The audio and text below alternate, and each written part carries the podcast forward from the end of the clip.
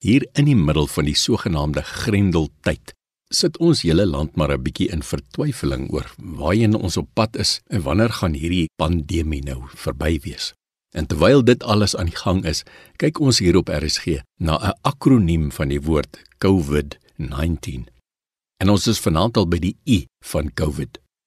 Dat 'n hele paar interessante en vreemde woorde by my opgekom toe ek nou begin dink aan die I. Die eerste een was insig. Sal dit nie goed wees as ons beter insig gehad het in hierdie virus nie. Inspireer. Irritasie het ook by my opgekom. Watter irritasie is hierdie virus nie?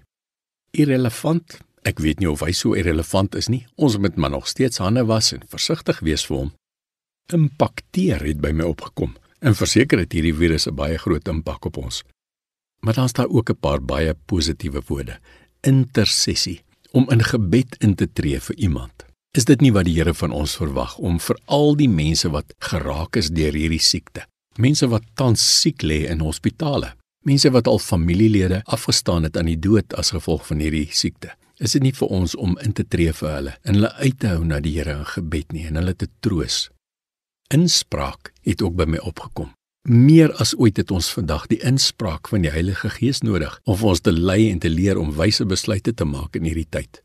Inspireer Wat 'n wonderlike tyd om vriende te bel of sommer familielede en net vir hulle te sê maar ek het hierdie invalshoek gekry op hierdie situasie en uh, dan inspireer ons hulle daardeur.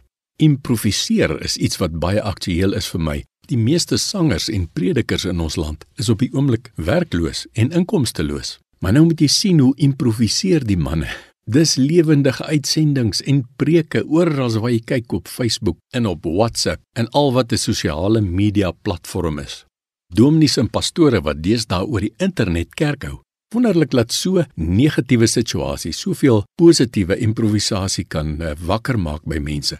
Maar dan glo ek die beste woord wat die Here op my hart gelê het, is die Latynse woord invictus.